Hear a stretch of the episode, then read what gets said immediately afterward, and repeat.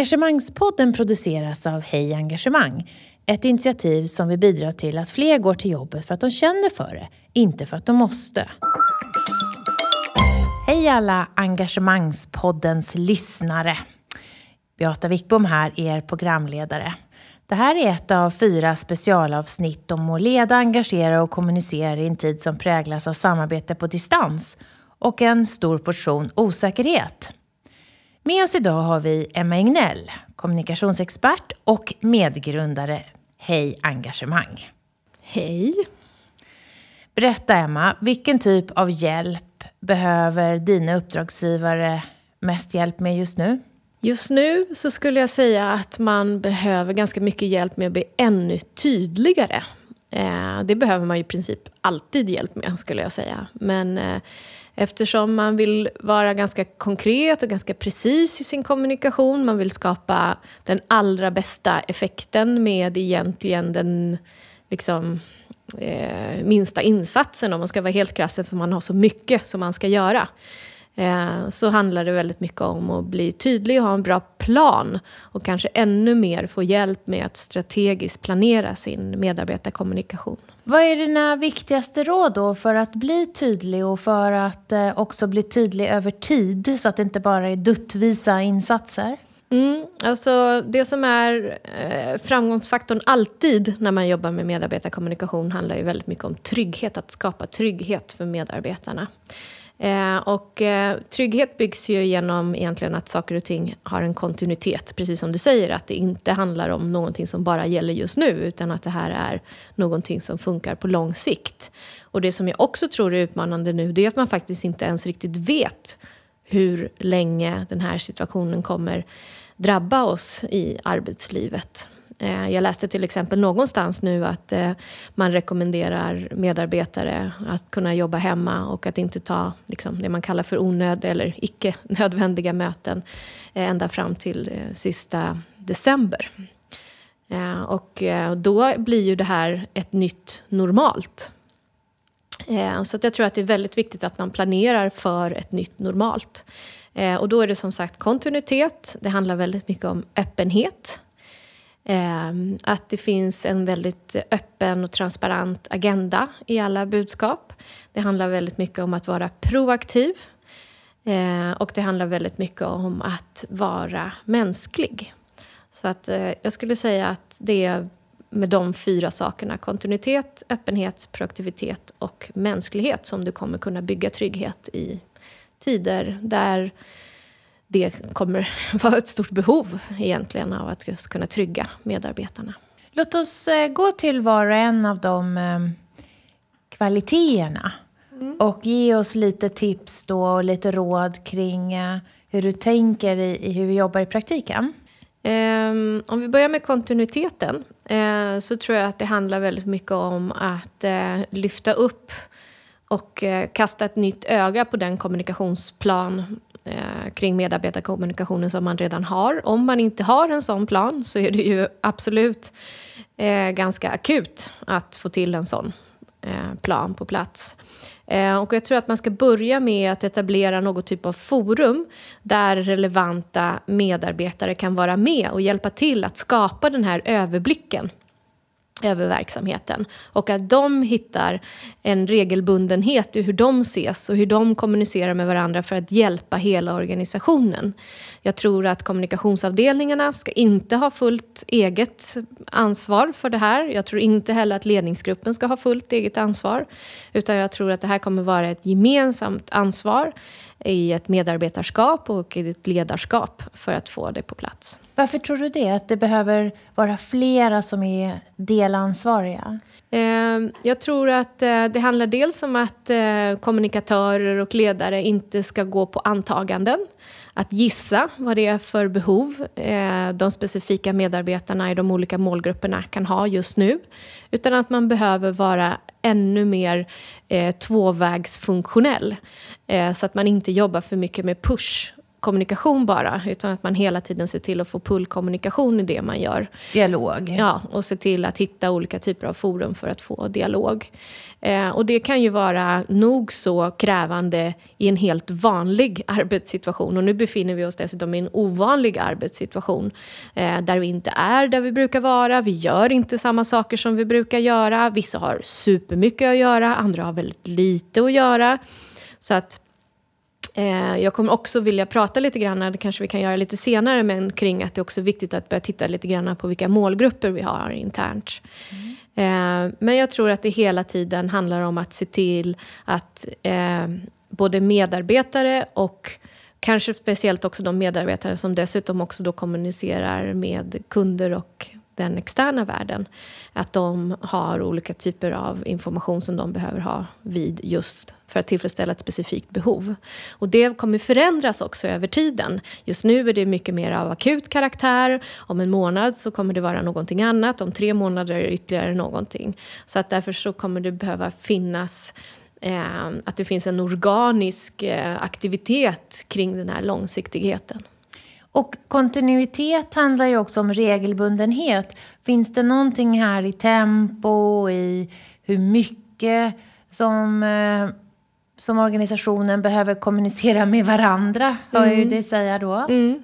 Exakt, för det tänker jag ju också, när man pratar bara om intern kommunikation, då handlar det väldigt mycket om att liksom pusha ut saker. Men eftersom jag alltid pratar om medarbetarkommunikation och ledare är medarbetare, alla är medarbetare, så det är egentligen den kommunikationen från ledare till medarbetare, men det är ju kommunikationen medarbetare emellan. Och det är ju det som jag tror kommer vara det som kommer hjälpa oss att skapa den här tryggheten om man sitter med funderingar eller undringar och, eller om det är vägarna för att få den här kommunikationen inte är tillräckligt tydliga och så. Och tempo och frekvens då? Ja, kring tempot så tror jag att man behöver växeldra lite grann. Jag tror att man behöver vara ganska känslig eh, och lyssna av vad medarbetarna just nu, just idag kanske, befinner sig någonstans. För att också väga av. För att jag tror att medarbetare kan nog kanske också tycka att, liksom, att man är lite tondöv om man kommer med för mycket på en gång till exempel. Eller om man kommer med alldeles för koncentrerade krav. Eh, så att jag tror att det där kommer, vissa organisationer kommer behöva mycket information hela tiden och i andra organisationer beroende på hur man är geografiskt och hur många man är och vilka olika typer av discipliner man har. Så det där det kan jag inte säga att det finns ett rätt svar på det utan man behöver vara väldigt lyhörd Eh, för det, eh, för frekvensen, eller för tempon. Eh, och för frekvensen så tror jag att samma sak gäller där. Eh, men det måste finnas några hållpunkter. Och om vi, varje, vi säger att vi ska höras varje dag klockan nio, då tycker jag att man loggar upp varje dag klockan nio. Men för att säga att det finns ingen ny information idag, eller idag har vi ingenting nytt som vi ska kommunicera, utan samma sak gäller idag som igår, eller bara köra en incheckningsrunda och höra hur alla har det och sådär. Men att jag brukar säga att nej också är service, så att säga. Även om du inte har någonting nytt att kommunicera så kanske det är det du ska just kommunicera. Och sen att kontinuitet betyder just kontinuitet. Att försöka utvärdera då, är det här tillräckligt? Ja, men då kör vi på det och inte ändra. Mm, mm. Verkligen. Och samma kanaler så att alla känner igen sig. Ja. Vad är nästa kvalitet som blir extra viktig, som du tog upp? Eh, öppenhet. Eh, och öppenheten bygger ju i ganska många olika typer av lager, tänker jag. Men jag tycker att eh, just nu så ska man nog tänka extra mycket på att eh, det man vet ska man kommunicera. Eh, och precis som jag sa innan, att nej är också service. Det vi inte vet och det vi inte har facit på just nu ska vi också kunna säga att vi inte vet och har facit på just nu. Eh, jag tror att för att vi ska kunna känna oss engagerade och motiverade. För jag till exempel som är superengagerad i frågan kring till exempel medarbetarkommunikation och medarbetarengagemang kan ju i tider av oro känna mig ganska desmotiverad för att det är så mycket som rör sig runt omkring mig och jag är orolig om kan vara orolig för mina anhöriga eller jag kan vara orolig för hur utvecklingen kommer se ut och vad som kommer hända med, med världen. Eh, och då räcker det inte, har jag upptäckt nu faktiskt. Jag har ändå trott att engagemang och motivation har varit mycket mer samma sak. Men nu tycker jag att jag kan se en skillnad. Eh, att vi behöver båda två för att kunna orka eh, jobba och leverera på det som förväntas av oss. Och eh, på vilket sätt hänger då öppenhet och motivation ihop? Alltså, är det att vara öppen även med det negativa? Mm. Är, kan det vara motiverande alltså? Ja, jag skulle säga att det, det är absolut det. Och att kanske jobba med lite kortare sprintar. Att den här veckan har vi som mål att vi ska bli klara med det här eller att vi ska uträtta det här. Eller, eh, och att man jobbar närmare, tajtare, kortare eh, och kanske mer greppbart eh, med kommunikationen och de uppgifterna som man har. Hur tänker du kring öppenhet i det nära samtalet. För att om jag träffar min medarbetare eller mitt team i ett konferensrum kan jag ju ganska snabbt på kroppsspråket se vilka som är alerta, vilka som är engagerade, vilka som kanske har en svårare dag. Mm. Hur, hur öppna ska vi vara med det här måendet och oron och de aspekterna som har med den rent mellanmänskliga dialogen? Mm. Jag skulle säga att man just nu som arbetsgivare har väldigt mycket att vinna på att visa att du ser människan bakom medarbetaren. Ehm, och att i en kraftigt förändrad eh, och krisaka, krisartad situation så händer det väldigt mycket hos olika människor. Eh, och det är också därför som det är viktigt då att eh, fundera lite grann över vilka behov de olika målgrupperna har. Men jag tycker absolut att man kan blotta sin rädsla och man kan blotta sina funderingar och att jag, eh, I de olika teamsmötena som vi är involverade i och så, så märker man så fort någon ställer en fråga så kommer det många digitala tummen upp på den frågan i olika sådana här forum. För att det är många som har samma fråga men det är inte alltid alla som vågar ställa just den frågan för att man tycker att den kanske är liten i det här sammanhanget när det händer så mycket saker. Men våga fråga och våga eh, svara och eh, kanske som ledare och organisation vara ännu mer proaktiva då i att eh, försöka kartlägga vilka olika typer av funderingar som medarbetarna har. Och det går, gör, då tar oss över till den nästa delen, för den handlar just om proaktivitet. Eh, att jag tror att det är de organisationerna som, kommer, som har varit proaktiva och är proaktiva kommer ju vara de som är vinnarna, om man nu ska, ska använda ett sånt ord, i den här situationen. Av att man känner en sån trygghet i att jag vet att om det finns någonting som jag behöver veta för att jag ska kunna må bättre, för att jag ska kunna eh, utföra mitt arbete, så vet jag att organisationen känner oss så väl eh, och har insikt i var vi befinner oss, så att jag kommer få den eh, informationen till mig.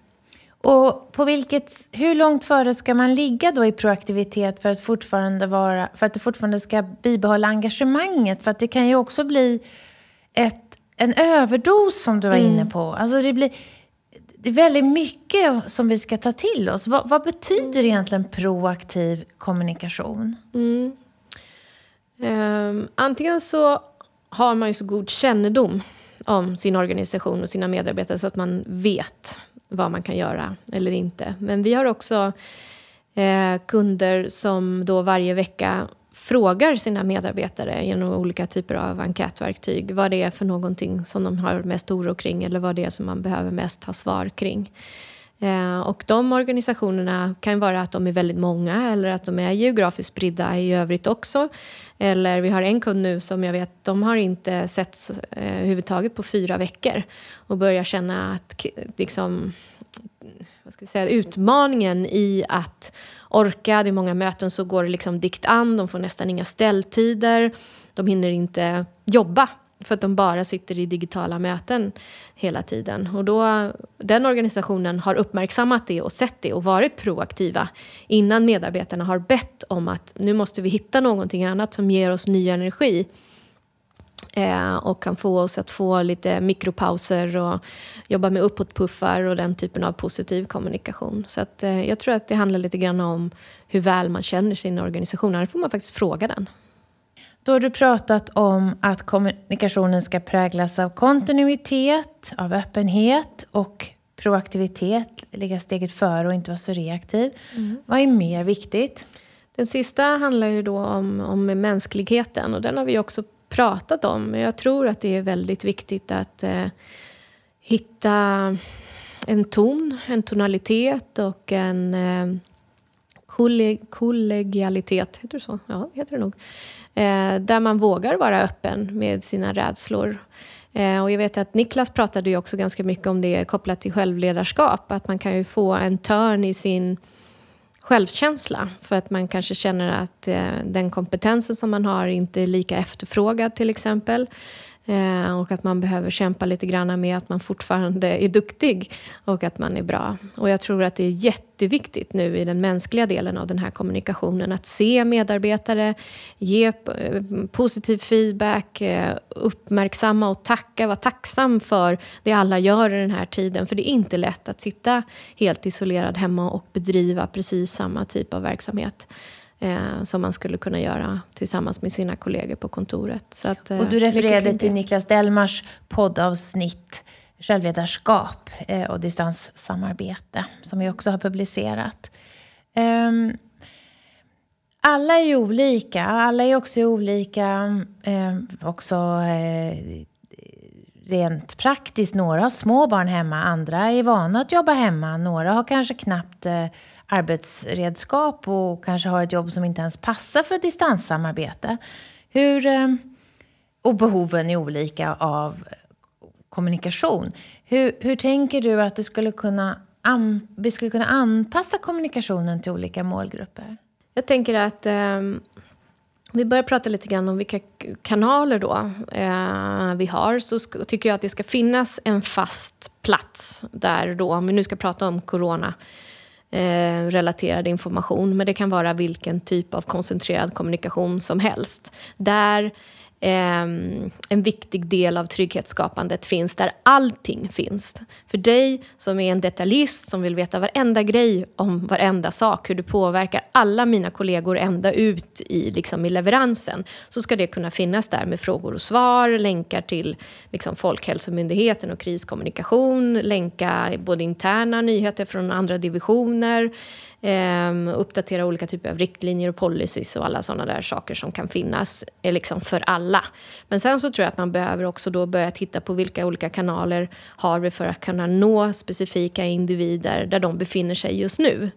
Eh, och... Eh, jag brukar ju säga att, eh, eller jag brukar säga, ja det brukar jag säga, att eh, man får inte glömma att eh, för att kunna kalla någonting för kommunikation så måste en process har satt igång hos den du kommunicerar med. Det handlar inte bara om att liksom ticka i boxen och skicka ut ett budskap. Att vi har kommunicerat. Exakt, för då tycker jag att det är information egentligen. Men för att kommunikation ska ha ägt rum så ska det ha startat en process på något sätt hos mottagaren. Och det har man ju ett ansvar för som den som kommunicerar, att ta reda på att det händer någonting så att säga hos den jag kommunicerar med. Eh, och för att få till det så tänker jag, liksom, varför måste vi nå ut? Det vet vi ju i regel. Det är, en ganska, det är den enklaste frågan att svara på. Eh, men sen måste man börja titta på vilka kommer skapa den här effekten. Och det är då som vi behöver börja segmentera och titta på olika typer av målgrupper. Um, och eh, nu refererar jag till min kollega eh, Niklas Delmars avsnitt, men då kan jag också referera till min andra kollega Johan Boks avsnitt som handlar väldigt mycket om mål. Uh, och om vi nu ska titta på vilka mål som är fortfarande relevanta att driva och ha kanske både på lång och på kort sikt i den här situationen så behöver vi då ännu mer titta på våra olika målgrupper. Så vilka ska då skapa den här effekten? Är det eh, de som jobbar närmast kunden? Eller är det just nu har vi väldigt mycket tid att lägga på innovation kanske för, inför framtiden? Eller det kan ju vara helt olika saker. Och man då tittar på de här eh, målgrupperna som då kan skapa den effekten som vi vill ha. Och då sen i nästa steg bryta ner då vad har de för behov? De här tre, fyra olika målgrupperna till exempel. För att då ställa, eh, egentligen svara på frågan hur ska vi då tillfredsställa dem? Och det är där vi ska se till att bygga vår kommunikation för att det då ska hända någonting hos de här medarbetarna. För att kommunicerar du med alla hela tiden så kommunicerar du inte med någon till slut. För att kommunikationen blir för allmängiltig och reaktionen blir oftast bara en axelryckning eller liknande för att man tänker att det här är för grunt eller för allmänt så att det gäller inte mig. Eller det händer ingenting i mig när jag får den här kommunikationen. Eh, så det tror jag är jätteviktigt. Liksom, varför måste vi nå ut? Vilka kommer skapa den här effekten? Vad har de för behov? Och hur ska vi tillfredsställa de behoven? Att det är där man gör koncentrerade, eh, specifika kommunikativa insatser. Tänker du också olika format? Jag menar, vissa av oss gillar att läsa lugn och ro. Andra tycker att en två minuters Youtube-video eller film är väldigt enkelt sätt. Någon vill ha ett möte på video kanske. Tänker du också att experimentera med olika format eller tar det för lång tid? Nej, alltså förhoppningsvis så har man ju redan de här kanalerna ganska eh, uppdaterade, så att säga. Och att man vet vilka effekter de här olika kanalerna är bäst eh, för. Ehm, och eh, jag brukar också prata om att man kan ha någon typ av ambitionstrappa i det man ska kommunicera. Så är man nöjd med effekten kunskap och kännedom då kan man använda den typen av kanal där man kanske bara läser någonting. Och det är mer åt liksom det informativa hållet. Men vill man få effekten ägandeskap och engagemang och handling, det vill säga att om man nu ska titta på den här liksom Eh, Eh, medarbetarkommunikationstunneln som man vill eh, få sina medarbetare att ta sig igenom så är det liksom att börja i att kunna någonting och att börja att sen att känna någonting, att vilja göra någonting för att sen göra någonting. Och om vi då ska hjälpa medarbetarna att gå från kunna till känna, till vilja, till göra eh, då behöver man hela tiden titta på vilken ambition vi ska ha för den här insatsen. Och där har vi ju naturligtvis de olika kanalerna. Och precis som du säger, vissa människor tycker att det är toppen att kunna läsa för de vill kunna gå tillbaka, göra små anteckningar. Eh, andra personer tycker mycket hellre om att lyssna. Det är många som startar olika typer av poddinitiativ nu eh, för att det är lätt att kunna mm, sätta i öronen om man ska gå ut och gå en promenad eller var som helst och få lyssna på ett resonemang. Och väldigt många gör olika typer av korta video inslag och framförallt så är det ju alla videomöten. Eh, både för liksom, det lilla videomötet men också det stora videomötet. Eh, och, eh, jag jobbar ju ganska mycket med möteskommunikation och just nu såklart eftersom man inte kan samla eh, sina medarbetare så måste man hitta andra sätt att skapa... Man kan inte samla dem fysiskt, Nej, är jag som exakt. älskar digitala ja. möten. Man kan inte samla dem i samma fysiska rum, men man kan samla dem i samma digitala rum. Och då är det, eh, det är det man behöver hitta olika sätt att göra. Och att hitta olika sätt att få den kommunikationen att bli lika engagerande som om man satt i samma fysiska rum. Eh, ni som inte känner Emma, ni vet kanske inte att det är en av de mest kreativa personerna när det gäller att skapa engagerande möten som vi har i Sverige och kanske i norra Europa. Och du har gjort otroligt många olika initiativ och hittat på väldigt mycket format, väldigt mycket olika typer av liksom, interaktivitetsövningar. Vad är dina bästa tips för att öka lusten och glädjen i kommunikationen i en tid som ändå präglas av ett allvar? Och där kanske halva gänget, som du sa, har mycket att göra och andra halvan kanske just har varslats. Mm. Ja, det är det som är så otroligt komplext och paradoxalt. Och jag liknade liksom tillståndet vid, vid att liksom vara bipolär. För att jag tycker helt, ena dagen så är man liksom heltänd och nästa dag så är man helt liksom utbränd. Och sen är man fulladdad och sen är man urladdad. Och sen så är man liksom orolig men superinspirerad. Sådär. Och det är ju så paradoxalt hur vi liksom slängs mellan de här olika känslorna. Eh, men det jag tror att vi fortfarande alltid har, det är ju behovet av att få skratta, att få ha det roligt och att liksom, även fall allting verkligen bara ser nattsvart ut, att kunna se liksom, ljusa stunder och roliga och dråpliga situationer. Och jag tror att det behöver vi ju vara superduktiga på nu och, och, och bjuda på, på sig själva och på att liksom hitta andra format som liksom kanske inte vanligtvis hör hemma i företagsformatet, så att säga. Eh, vi satt med en, en, eh, kollega och bollade hur man skulle kunna göra någonting lustfyllt. Och då var det så här, man skulle kunna tänka sig att man bara lägger upp en rolig bild på, eh, i en WhatsApp-slinga. Som är så här, och så får alla under dagen komma på och skriva någon typ av rubrik till den, som de här stenmarksbilderna eller vad det nu kan vara för någonting. Och den som eh, kommer på den roligaste grejen får sen eh, ett glassogram eller vad det nu kan vara för någonting. Men jag tror att vi verkligen behöver hitta olika typer av format för att hjälpa våra medarbetare att ha kul och hitta lust med sina kollegor. Så att man inte bara blir lösningsorienterad och liksom nu måste vi lösa det här för alla de som har så otroligt mycket att göra nu. Och för den gruppen som inte har så mycket att göra nu, som kanske är varslade och sitter mer eller mindre och bara väntar på att se vad som ska hända med situationen om det här varslet kommer att gå över i en faktisk arbetslöshet. Eh, så det är klart att den, bara att vara i den situationen kan ju vara smått förlamande. Eh, och där tror jag verkligen att det kollegiala och att eh, känslan av att bli sedd, att det finns en vänlighet runt omkring en kommer vara så otroligt eh, avgörande för hur vi som individer kommer kunna bekräfta oss och varandra för att vara glada och fungera i övrigt. Så det handlar om att tänka lite bredare under den kvaliteten som var mänsklighet, som vi var inne på innan. Mm. Finns det några andra tips eller idéer som du har som du har, har haft nytta av de, de senaste veckorna?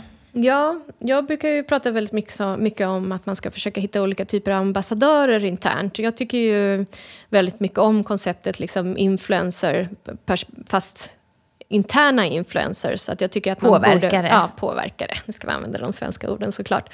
Men att man borde kunna lägga lite tid och energi och kanske pengar på att coacha olika typer av personer och medarbetare inom organisationen att bli interna påverkare. Eh, och det här är väl ett sånt tillfälle där det är otroligt värdefullt att ha.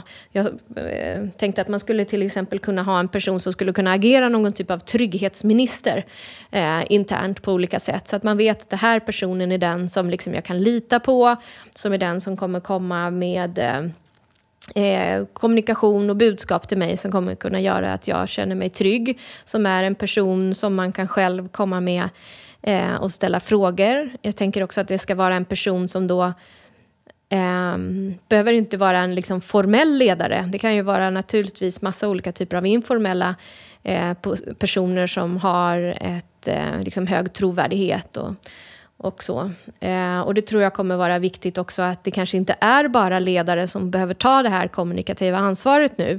För att eh, jag vet ju bara hur svårt det är för mig att få tag i mina kunder just nu. Eh, både för att kunna hjälpa dem eller för att jag har olika typer av frågor för att alla sitter så otroligt upptagna och de är så koncentrerade i att hitta olika typer av lösningar. Och det är väl liksom, då går jag väl över till något annat typ av tips, men att eh, som ledningsgrupp till exempel, att se till att inte sitta fast i sådana här möten hela dagarna, hela tiden, utan att kunna vara tillgänglig och att synas på olika sätt. Och det är också ännu svårare när man inte är tillsammans på kontoret. Utan hur ska jag som ledare se till att synas digitalt? För det är inte så ofta som man har möten med kanske högsta vdn i de löpande projekten som man jobbar med och så. Men man kanske ser den, han eller hon på kontoret eller i fikarummet eller i något annat sammanhang under en dag på kontoret. Men nu behöver man ju då visa upp sig så att säga eh, på andra sätt genom kommunikation. Kan du ge några exempel på hur kommunikation inte så att säga bara blir något nödvändigt som man måste göra och lösa utan också som kan bli en positiv kraft? Där kommunikation kan göra jobbet som vi behöver just nu. Har du några sådana exempel? Ja, jag tycker att eh, de som gör det bäst eh, är de organisationerna där man lyckas eh, väcka en, en längtan på något sätt. Eh, där det inte bara handlar om att liksom delegera arbetsuppgifter och se till att processerna är på plats och att alla de digitala kanalerna fungerar och instruerar i dem. Utan att, att man fortfarande kan liksom ha kvar en smak av längtan. Att det finns någonting i det här som vi gör för att vi ska fortsätta vara relevanta och finnas och överleva Koppla an till vårt syfte och vårt uppdrag. Ja, precis. Att, att det finns en, en längtan av att vara fortsatt relevanta. För att det kan ju bli så att man eh, blir ganska snäv i sin problemlösning. När man liksom har ett specifikt en specifik utmaning, att det är där man är väldigt mycket.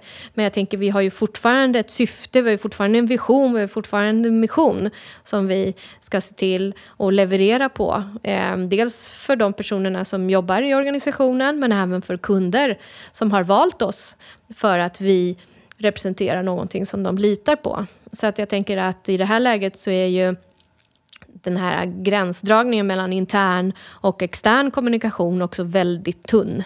Eh, och det kommer ju också visa sig i de här situationerna, liksom i sanningens minut, om insidan och utsidan verkligen liknar varandra också. Så det tror jag också att det är viktigt att de som ansvarar för medarbetarkommunikationen krokar arm med de som ansvarar för den externa kommunikationen ännu mer tydligt om man inte har den hierarkin i sitt bolag så, så tror jag att det finns väldigt mycket att vinna på eh, på att bygga ett, liksom, ett stort förtroende mellan de två olika disciplinerna. Jag är väldigt förtjust också i de eh, exempel där, där du vet att kunderna har inte valt bort oss. Det är bara så att det är stängt eller de kan inte resa eller de kan inte köpa just nu eller de har inte möjlighet att nå oss. Och så gör du ett initiativ som ändå glädjer dina kunder. Jag såg en biluthyrningsfirma nu som ingen hyr bilar av eftersom ingen reser runt i landet mm. på samma sätt som vanligt. Som lånar ut bilar till olika vårdteam som då jobbar mobilt. Och då kan ju det vara ett sätt att både visa för medarbetarna mm. vi fortsätter vara Verkligen. kreativa affärsutvecklare. Och för våra befintliga kunder så säger vi tack för att ni håller på oss och vi ses snart och under tiden gör vi någonting gott. Mm. Det bygger ju otrolig stolthet i att se att man kan ställa om, att man eh, inte tar någon prestige, att man bara precis måste göra det man ska göra eller tjäna x antal pengar, att marginalen ska alltid vara på samma plats. Eh, och så vidare. Så jag tror att alla de här sakerna är ju det som kommunicerar kanske ännu mer nu då när man sitter hemma, man kanske tittar mer på eh, nyhetssändningar på tv, sitter mer på webben eh, med annonser. Och, och eh, får man då inte så att säga tillfredsställt sitt varumärke genom sin arbetsdag så kommer nog tror jag, de olika typerna av, av reklamkampanjer som görs nu också verkligen fungera för att eh, bygga stolthet men också, om man har tänkt helt fel, eh, göra att man kanske tappar förtroendet för sin arbetsgivare också. Så det, finns, eh, det finns många vågskålar nu att, att välja rätt i. Så det är inte, det är en otroligt utmanande eh, situation för, för alla. Så är det verkligen. Vi brukar alltid prata om att kommunikation inte får vara spretig. Mm. För att då tappar vi genomslagskraft och det är lätt att det blir flera olika spår och inte blir så tydligt. Och ändå så tycker jag att vi ser exempel där individer tar ett mycket större ansvar än vanligt och startar något eller testar något. Och sist här så läste jag om läkaren på Södersjukhuset som är faktiskt under radarn beställde hem eh, skyddsutrustning från Kina som inte var sanktionerat först av högsta ledningen. Det var ju ett extremt exempel. Mm. Men hur ser du på det här med att många vill bidra och att det finns en liten risk att det ändå blir spretigt? Mm. Jag tänker att eh, att om det finns en medvetenhet i att just nu så tycker vi det är bara bra och vi uppmuntrar alla initiativ då blir det ju då blir det spretiga ospretigt, så att säga. För att det är det vi definierar att det är så vi ska göra nu. Eh, så att jag tänker, har man en väldigt uppfinningsrik organisation och väldigt många uppfinnarjuckar. Vissa organisationer består ju nästan bara av förvaltare och andra består ju av de här uppfinnarjuckarna. Och vet man med sig att man har ett gäng sådana individer, apropå att man behöver titta på de här målgrupperna som vi pratade om förut, vilka som skapar effekten, så märker man att det finns mycket som bubblar, då tycker jag genast, då lägger liksom ett sammanhang runt det här bubblet och så pratar vi om det och så uppmuntrar vi bubblet. För annars kan det också kännas som att man kanske lägger sin energi på, på fel sak eller att det här kanske egentligen är ingenting som jag borde ägna mig åt. Eh, sen tror jag väl att det kan finnas en vikt vid att se till att de här olika initiativen följer någonting och det kan ju då vara just värdegrunden eller visionen eller missionen, bara att det finns någon eh, linje, liksom röd tråd i de olika initiativen som, som görs. Och den röda tråden kan ju också bara vara medmänsklighet. Eh, så att säga om man inte har ett, ett syfte eller en värdegrund som, som är på det sättet så att det liksom passar i den situationen som vi har just nu. Så att jag tror att där, där kan man ju som organisation eh, bestämma sig för att, eh, att det blir ett koncept helt enkelt istället för bara inte ta hand om det. Ja, jag upplever att eh, Många i mina nätverk eh, tar väldigt stort ansvar eh, för sin egen situation, ber om råd, hur ska jag hålla mig engagerad, vad gör ni, eh, tips på vad du ska göra när du känner dig ensam efter att ha distansarbetat länge. Eh, vem tycker du är ansvarig för att medarbetare känner sig engagerade och tillitsfulla när mycket av det trygga och bekanta försvinner och omställningen är så radikal och omedelbar som den har varit för många? Är det individen eller är det, arbe är det arbetsplatsen, arbetsgivaren, arbetssammanhanget? Mm. Jag tycker att här är det ett gemensamt eh, ännu mer gemensamt ansvar än vad det någonsin har varit. Och vi på Hej Engagemang pratar ju väldigt mycket om konceptet av 100% ansvar. Att eh, alla behöver ta 100% ansvar i det här läget. Eh, och vanligtvis så skulle jag svara på frågan vem är ansvarig för att jag känner mig engagerad så skulle jag säga att det är 100% du som är ansvarig för det. Och du behöver vara tydlig beställare så att säga gentemot de personerna som du förhåller dig till eh, i ditt arbetsliv. Men jag tror att i den här situationen så bygger det verkligen på en, liksom en tvåsamhet eller en tresamhet eller en hur många samhet som helst egentligen. Men att alla behöver ta ett ansvar och att eh, om du som medarbetare i en organisation ser en replik eller en kommentar i något chattforum, och även om det inte är din medarbetare eller ditt team eller din avdelning eller så, så tycker jag att man har ett större ansvar nu och liksom Åh, jag såg den här oron som den här personen ställde på den här chatten. Det är kanske är bra om vi gör någonting kring det. Eller så. Så jag tror att i det här läget så har alla ansvar att eh, se man har ansvar att eh, göra någonting åt det man ser eh, och att tipsa andra personer som man tror kommer vara den personen som man vill höra kommunikationen ifrån. Så att säga. För man kan ju hjälpa i, i medarbetarskapet såklart varandra. Men jag tror att vissa frågor kommer ju alltid ändå falla tillbaka till att man vill att en ledare eller en typ av ambassadör som vi pratade om innan eh, ändå levererar just det här budskapet. Så att den här lyhördheten, eh, att eh, inte bara låta saker trilla mellan stolarna, liksom, utan verkligen försöka fånga upp allting som man ser kommer vara väldigt viktigt nu. Till sist så kanske någon av våra lyssnare känner, ja jag håller med men vi har inte, vi har inte arbetat upp liksom vår kommunikation och organiserat oss på ett sådant sätt att vi kan samarbeta. Om, om du är en sån organisation, vad är ditt viktigaste råd kring hur du då kan rivstarta? Ja, eh, det kommer finnas otroligt mycket saker man ska ta tag i just nu. Så om jag skulle börja någonstans så skulle jag eh, se till att etablera en kommunikationskanal åtminstone som når alla på företaget. Och då är det ju väldigt många organisationer som består av frilanspersoner eller konsulter och äh, personer som kanske organisationen i första anblick inte ser som några som vi behöver ens kommunicera med. Som inte är innanför anställningsgränsen som jag brukar säga. Ja, precis. Men som känner sig som anställda och som... Eh, Bryr sig som anställda. Verkligen. Eh, och som behöver också få en chans att kunna fortsätta arbeta eh, i den konstellationen. Så snabbt, så snabbt som möjligt etablera en kommunikationskanal som, når, som man vet når precis alla som anser sig eh, eh tillhöra företaget, om man använder det ordet.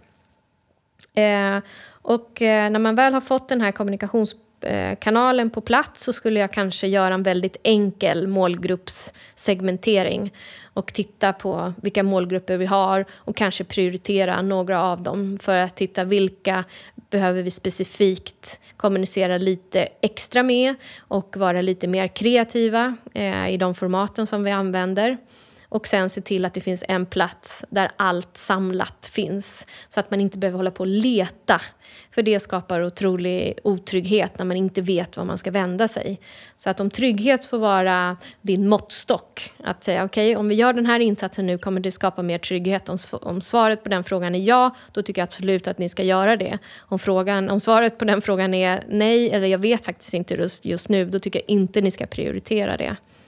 Tillbaka till det första du sa, etablera en bred kanal. Skulle det då kunna vara till exempel sms? Eller mm. om inte alla eh, har samma ja. eh, i anställningsform. Exakt, och om det inte är sms så ska det vara någonting som når mobilen, ja, åtminstone. För att, eh, så att det inte är desktop eh, heter det, gränssnitt i den typen av kanal utan att den når mobilen. För då vet vi att den sannolikt kommer kunna nå fler. Eh, eftersom många eh, i arbetssverige inte har en arbetsdator som de jobbar i utan de befinner sig på, ute på fältet eller i olika typer av platser där de har åtminstone en mobil. Så att den kanalen ska vara mobil. Ja, och många av våra lyssnare följer dina regelbundna och insiktsfulla inlägg om medarbetarengagemang på LinkedIn. Och jag uppmanar er lyssnare, gå in och följ Emma Egnell om du inte redan gör det. Och då vill jag fråga, hur tänker du kring dina inlägg för att engagera så många som möjligt? Um, det var inte allt för länge sedan egentligen som jag började med de här inläggen på LinkedIn. Uh, för att jag egentligen, så här, jag, jag, vet inte, många med jag vet jag tänker så här, det finns väl ingenting specifikt att skriva som inte alla redan kan, eller som inte alla redan har läst om. Men det jag gjorde för att hitta mitt sätt att göra det på, det var att jag började, jag är väldigt sucker för visuell kommunikation, jag älskar det visuella och det är det som jag alltid tror att man, man kan förklara det mest komplexa egentligen med en visuell bild, en informationsgrafik eller en rolig bild eller någonting som gör att man liksom får en, en minneshookup också kring någonting som man tycker kan vara lite svårt. Så att jag började i att liksom ladda hem och köpte tror jag, 300 bilder eller någonting. På en bildbank? På en bildbank, precis. Eh, och började liksom, den här skulle jag kunna tänka mig skriva de här om. När jag ser den här bilden, då tänker jag på det här. Åh, den här bilden, den ger mig en, en idé om det här som jag brukar prata om. Så då laddade jag hem 300 bilder. Och sen så under en period då publicerade jag varje morgon. Eh, sen glesade jag ut det till eh, tre gånger i veckan.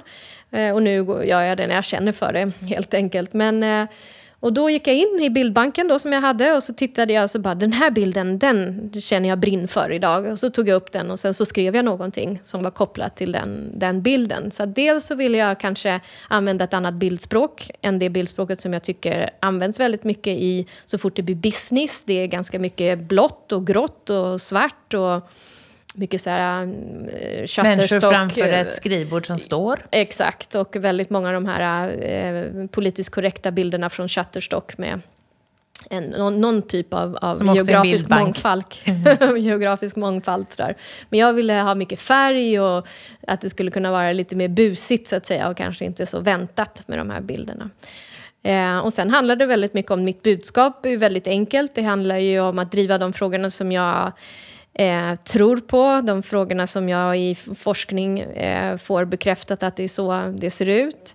Och framförallt min sån här omedelbara övertygelse om att det måste vara lätt att göra rätt. Det vill säga att vi måste kunna hjälpa organisationer att få till en, liksom, en hygiennivå på hur de jobbar med sin medarbetarkommunikation. För att vi vet hur otroligt många positiva effekter det finns om man får till eh, både medarbetarkommunikation kopplat till just engagemang. Så gå in på LinkedIn och följ Emma Egnell om du inte gör det redan för alla de tipsen och konkreta råden som hon ger där. Gå också gärna in på Hej Engagemang och titta på Engagemangspodden på alla de olika avsnitt som finns. Eh, och vi hoppas att det ska vara relevant och värdefullt. För vi gör ju den här podden för dig som lyssnar. Vi har inget annat syfte än att du ska få inspiration, kunskap för att kunna bidra till en mer engagerad eh, arbetsplats och ett mer engagerat Sverige. Tack för att du har lyssnat. Hej då! Hej då! Vi hoppas att vi har väckt tankar om hur du kan bidra till ett mer engagerat Sverige. På hejengagemang.se kan du hitta mer inspiration och tips kring hur du som individ, ledare och organisation kan jobba för att skapa ett ökat engagemang, välbefinnande och nya resultat. Tack för att du har lyssnat!